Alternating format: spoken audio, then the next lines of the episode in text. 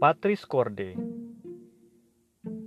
Surat Apostolik Bapa Suci Paus Fransiskus pada peringatan 150 tahun pemakluman Santo Yosef sebagai pelindung gereja semesta. Roma, 8 Desember 2020. Penerjemah Bernadetta Harini Tri Prasasti. Dengan sebuah hati Bapa, yakni bagaimana Yusuf mengasihi Yesus, yang oleh keempat Injil disebut sebagai anak Yosef. Dua penginjil yang telah menyoroti tokoh ini, Matius dan Lukas, menceritakan sedikit, namun cukup untuk menjelaskan Bapa seperti apakah dirinya dan misi yang dipercayakan kepadanya oleh Allah Sang Penyelenggara.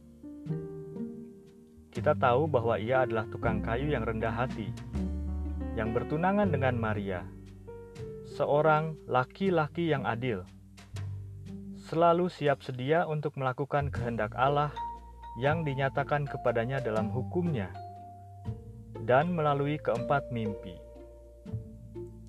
Sesudah perjalanan panjang dan melelahkan dari Nazaret ke Bethlehem, ia melihat Mesias yang lahir di sebuah kandang karena di mana-mana tidak ada kamar untuk mereka.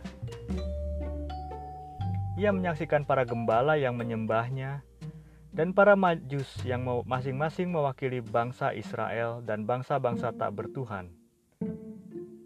Ia memiliki keberanian untuk mengemban peran kebapaan legal untuk Yesus yang diberinya nama sebagaimana dinyatakan oleh malaikat.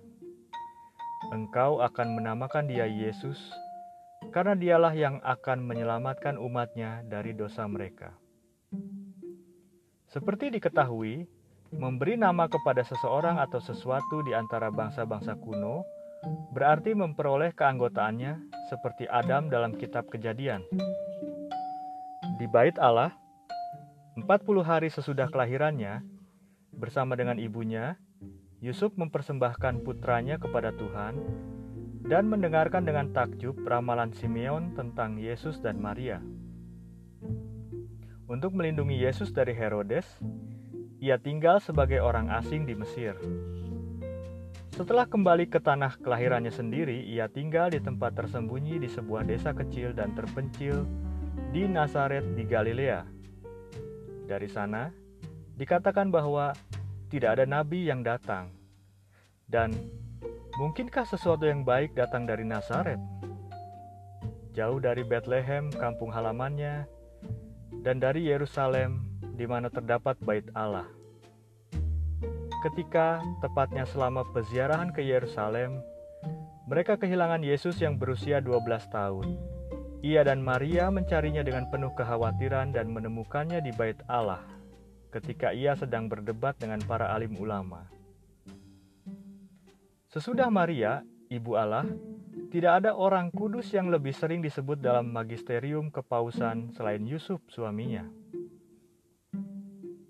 Para pendahulu saya mendalami pesan yang terkandung dalam sedikit data yang diteruskan oleh Injil untuk menyoroti lebih jauh peran pentingnya dalam sejarah keselamatan.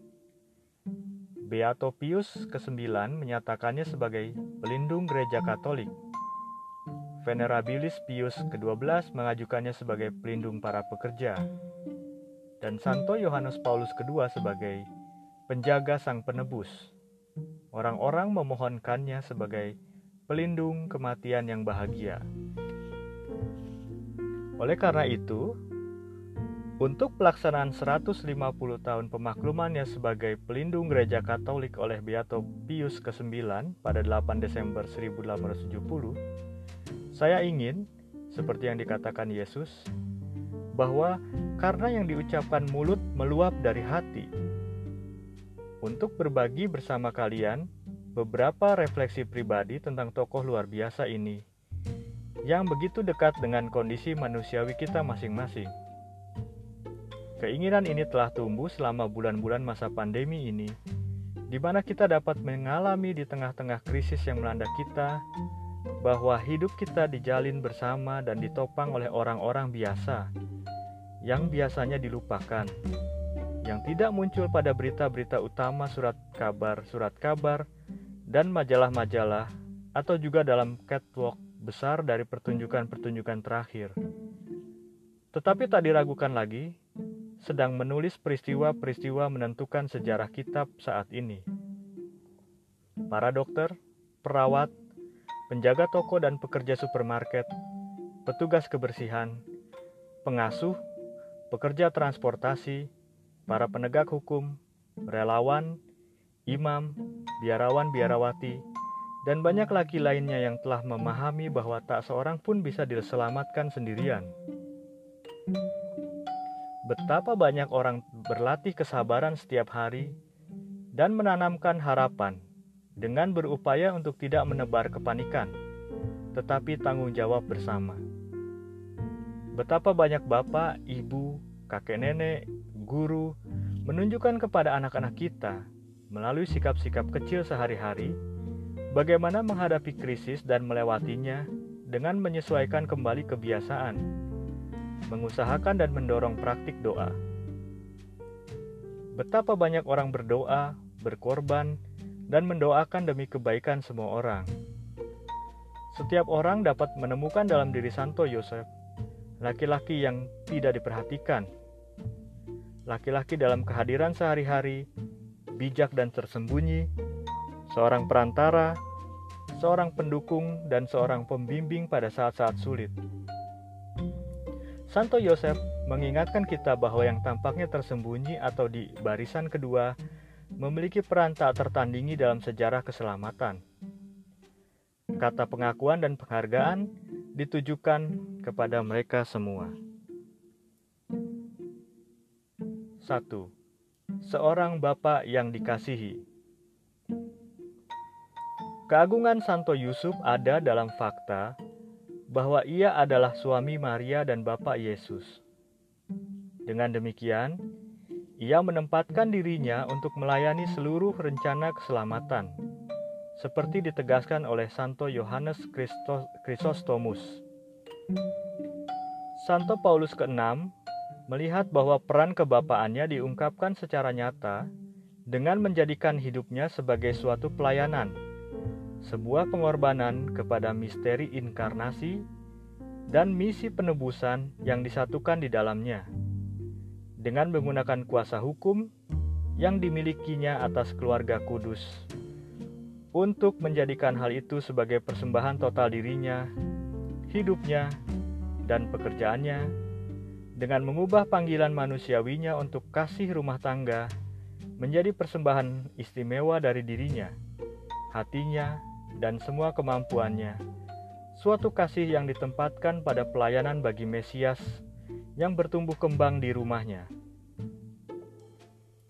Berkat perannya dalam sejarah keselamatan, Santo Yosef menjadi seorang bapa yang selalu dikasihi oleh umat Kristiani. Seperti ditunjukkan oleh fakta bahwa banyak sekali gereja yang telah dipersembahkan kepadanya di seluruh dunia. Bahwa banyak lembaga religius persaudaraan religius atau confraternity, dan kelompok-kelompok gerejawi yang diilhami oleh spiritualitasnya dan memakai namanya. Dan bahwa berbagai ungkapan kudus telah diberikan selama berabad-abad untuk menghormatinya. Banyak santo dan santa berdevosi kepadanya dengan penuh semangat, termasuk Teresa dari Avila yang menjadikannya sebagai pendorong dan perantaranya dengan sangat mempercayakan dirinya kepadanya dan menerima semua rahmat yang dimintanya darinya. Terdorong oleh pengalamannya sendiri, Santa Teresa menganjurkan orang, orang lain untuk berdevosi kepadanya. Setiap buku doa memuat doa-doa kepada Santo Yosef. Permohonan-permohonan khusus ditujukan kepadanya setiap Rabu dan terutama selama bulan Maret yang secara tradisional dipersembahkan kepadanya. Kepercayaan umat pada Santo Yosef dirangkum dalam ungkapan Pergilah kepada Yosef, Yosef, ite at Yosef, yang merujuk pada saat kelaparan di Mesir ketika orang-orang meminta roti kepada Firaun dan ia menjawab, Pergilah kepada Yosef, perbuatlah apa yang akan dikatakannya kepadamu. Itu adalah Yosef anak Yakub yang dijual karena kecemburuan para saudaranya. dan yang menurut kisah biblis kemudian menjadi raja muda Mesir. Sebagai keturunan Daud, yang dari akarnya Yesus akan bertunas menurut janji yang dibuat Nabi Nathan kepada Daud, dan sebagai suami Maria dari Nazaret, Santo Yosef adalah sendi yang menghubungkan perjanjian lama dengan perjanjian baru.